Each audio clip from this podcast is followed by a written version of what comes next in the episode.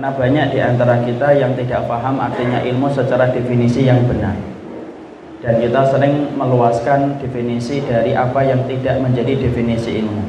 Kita mengatakan semua itu ilmu. Baik itu ilmu apa pun maka itu adalah ilmu. Padahal ilmu itu memiliki definisi dan dia memiliki pengertian yang dibatasi di dalam batasan-batasan yang jelas. Layaknya rumah ada pagar sebagai pembatas, maka definisi pun menjadi pembatas. Maka definisi ilmu yang disampaikan oleh para ahlul ilmi adalah bukan semua perkara itu menjadi ilmu.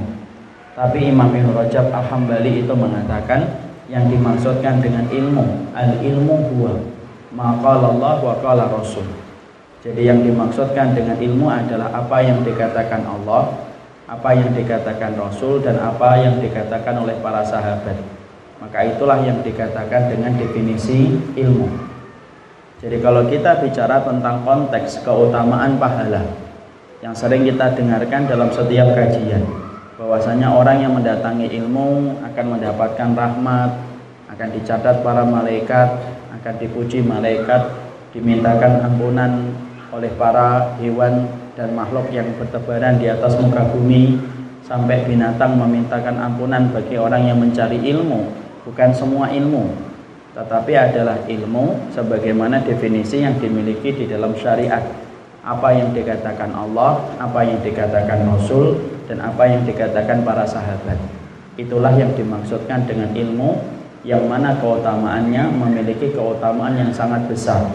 Di mana sampai Imam Ahmad mengatakan barang siapa yang mereka mencari ilmu apabila niatnya itu benar maka amalan itu tidak mampu ditandingi dengan apa pun.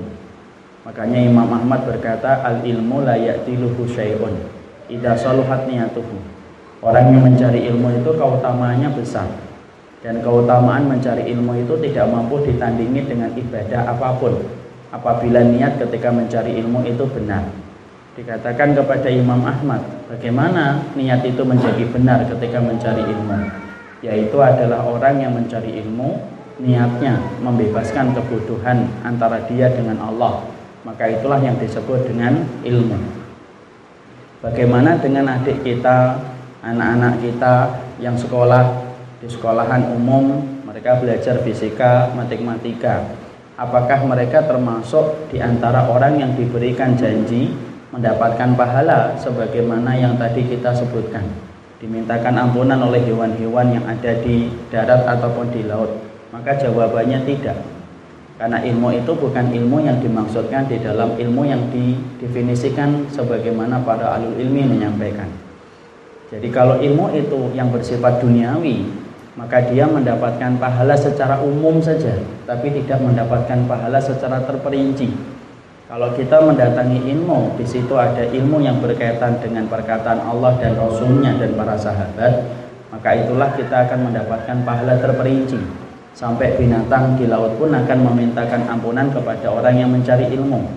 Tapi orang yang mereka mencari ilmu dunia, maka dia mendapatkan ilmu dan maka dia mendapatkan pahala berdasarkan niatnya.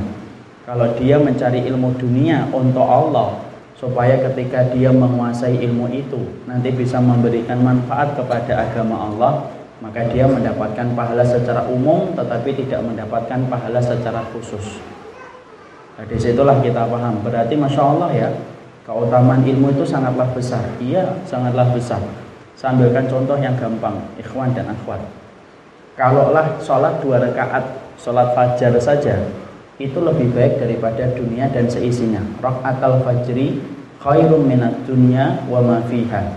Dua rakaat yang kamu selenggarakan sebelum sholat subuh maka itu lebih baik daripada dunia dan seisinya. Coba kita berpikir simpel. Kalau dua rakaat saja yang ringan sebelum sholat subuh kita tunaikan itu lebih baik daripada dunia dan seisinya. Apalagi orang yang aktivitasnya adalah mencari ilmu yang berkaitan tentang Allah dan Rasulnya dan berkaitan tentang para sahabat yang Allah ridhoi maka itu puluhan kali lipat daripada dunia dan seisinya. Makanya itulah yang menjadikan kita harus membatasi dulu mana itu ilmu yang dijanjikan pahala dan janji-janji yang besar oleh Allah dan Rasulnya dan mana itu yang bukan termasuk di antara orang yang diberikan janji itu Jadi kalau kita ngiringin anak kita sekolahnya di SD, SMP dan SMA, Bapak tetap mendapatkan pahala kalau niatnya menyekolahkan anak supaya anak itu nanti ilmunya bermanfaat untuk agama Allah. Hanya itu saja. Tapi apakah dia nanti dimintakan ampunan, dicatat para malaikat, kemudian dibawa oleh para malaikat ke sisi Allah untuk dikenang namanya oleh Allah? Jawabannya tidak. Karena hadis-hadis itu hanya berkaitan tentang ilmu yang berkaitan tiga. Ketika kamu mencari ilmu, ilmu itu berkaitan tentang perkataan Allah dan Rasulnya dan para sahabat, barulah itu yang disebut dengan ilmu. Makanya di situ kita paham. Makanya Imam Ibn Rajab sampai berkata di dalam kitab Fadlu Salaf alal Khalaf. Sesungguhnya kewajiban mencari ilmu itu ada dua.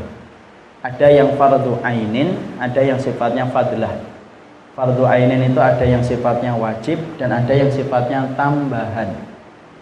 Mencari ilmu yang sifatnya wajib itu kapan? Dua, Pak. Satu, ketika ilmu itu berkaitan tentang Allah. Apa yang Allah cintai dan apa yang Allah benci. Dan yang kedua, ilmu itu berkaitan tentang asma dan sifatnya Allah. Maka itu juga wajib hukumnya.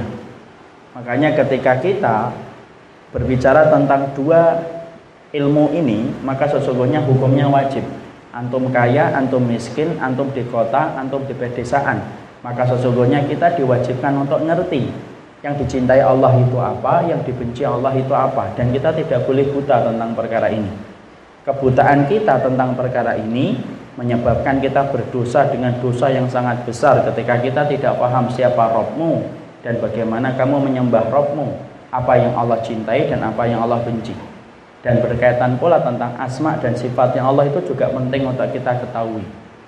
Kenapa asma dan sifat itu penting untuk kita ketahui Ustaz? Lu, mau kita beribadah sama Allah kok tidak kenal siapa Rob yang kita sembah. Makanya sumber keresahan hidup itu ketika kita tidak kenal dengan Allah. Kenapa saya sedih, antum sedih? Karena kita tidak kenal kepada siapa kita bersandar. Coba kalau kita paham kepada siapa kita bersandar, kita tenang sebagaimana anak presiden itu kalau bapaknya presiden maka dia tenang melakukan apa saja sebagaimana anaknya menteri itu kalau dia paham bapaknya menteri maka dia tenang bahkan sampai ketika melanggar ataupun dia nabrak siapa pun dia tenang karena apa yakin bapaknya itu akan membela dia walaupun dia salah kalaulah anak presiden dan anak perdana menteri ketika dia kenal bapaknya itu siapa menjadikan dia tenang walaupun dia melanggar kita ini masalahnya adalah bersandar sama Allah, menggantungkan segala urusan kita kepada Allah. Tapi naifnya kita itu tidak kenal namanya Allah dan tidak kenal sifat-sifatnya Allah itu kayak apa. Makanya betul kata Imam Ibn Qayyim, sumber kegelisahan hidup yaitu adalah ketika kita tidak kenal kepada siapa kita menyembah. Ketika tidak kenal, di situlah kita gelisah. Mikirin rezeki, kita gelisah. Ketika mendapatkan sakit, kita gelisah ketika mendapatkan ketetapan takdir tidak sesuai dengan harapan kita. Padahal semua yang dilakukan oleh Allah itu tidak pernah memberikan kecuali memberikan kebaikan dalam kehidupan hamba. Maka dua ilmu ini bersifat wajib. Antum dan saya, walaupun antum datang dari mana pun, statusnya kayak apa, dua perkara ini tidak boleh kita tidak tahu. Adapun selain dua perkara ini kita boleh untuk tidak tahu kita tidak tahu tentang masalah bisnis tidak apa-apa tidak dosa mempelajarinya boleh tapi tidak tahu tidak apa-apa tapi kalau kita bodoh yang pertama ilmu yang berkaitan tentang nama Allah dan sifatnya dan yang berkaitan tentang apa yang Allah cintai dan Allah benci dua perkara ini tidak boleh bagi kita untuk tidak tahu ketidaktahuan itulah yang akan menjadikan hinanya seorang manusia di hadapan Allah karena Allah itu tidak ingin disembah dengan kebodohan tetapi Allah itu ingin disembah dengan ilmu. Makanya Allah turunkan Al-Quran, Allah utus kepada kita seorang Nabi, supaya kita menyembah Allah itu dengan ilmu. Karena ini adalah agama ilmu, dan bukan agama prasangka. Makanya kan sering saya sampaikan berulang-ulang saya sampaikan. Kalau kita ingin masuk kerja, menjadi pegawai negeri, sekolahnya saja panjang. 6 tahun SD, 3 tahun SMP, 3 tahun SMA, ditambah dengan kuliah 4 tahun totalnya 16 tahun hanya untuk bisa menjadi pegawai negeri dengan gaji antara 3 sampai 10 juta. Ternyata sekolahnya 16 tahun. Kalau kamu dan saya ingin menjadi pegawai negeri, ingin menjadi karyawan di Pertamina, ternyata sekolahnya sampai 16 tahun, apakah kita kira bahwasanya surga itu lebih rendah daripada departemen yang kita masuki sampai kita tidak mempelajari ilmunya? Dan itu termasuk di antara kesalahan kita, tidak paham bahwasanya barangnya Allah itu mahal dan barang Allah itu adalah surga.